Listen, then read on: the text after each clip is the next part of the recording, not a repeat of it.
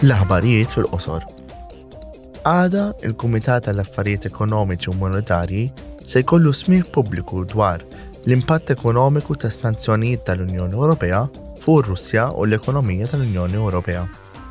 Ħames kelliema stenni huma mistiedna għal dan is-smieħ pubbliku, fosthom il-President tal-Kumitat tal-Iżvilupp Ekonomiku tal-Parlament Ukren.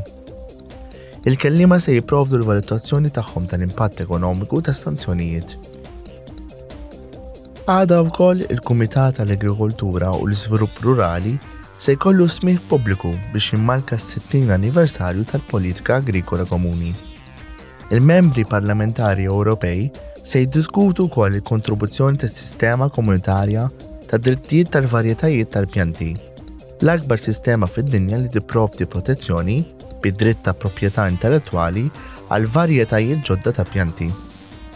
Il-Kumitat se jiddiskutu wkoll iż-żieda fil-prezzijiet tal-enerġija. Il-Kumitat għas saħħa Pubblika u l-Libertajiet Ċivili, l-Ġustizzja u l-Intern se jkollhom laqgħa konġunta dwar il-proposta tal-Ispazju Ewropew tad-Dejta dwar is-Saħħa, imnessqa mill-Kummissjoni Ewropea f'Mejju. Il-proposta timmira li tappoġġa lill-individwi biex jieħdu kontroll tad-dejta dwar is-saħħa tagħhom stess u jappoġġaw l-użu ta' din id-dejta għall-għoti ta' kura tas-saħħa aħjar għal riċerka, innovazzjoni u tfassil aħjar tal-politiki.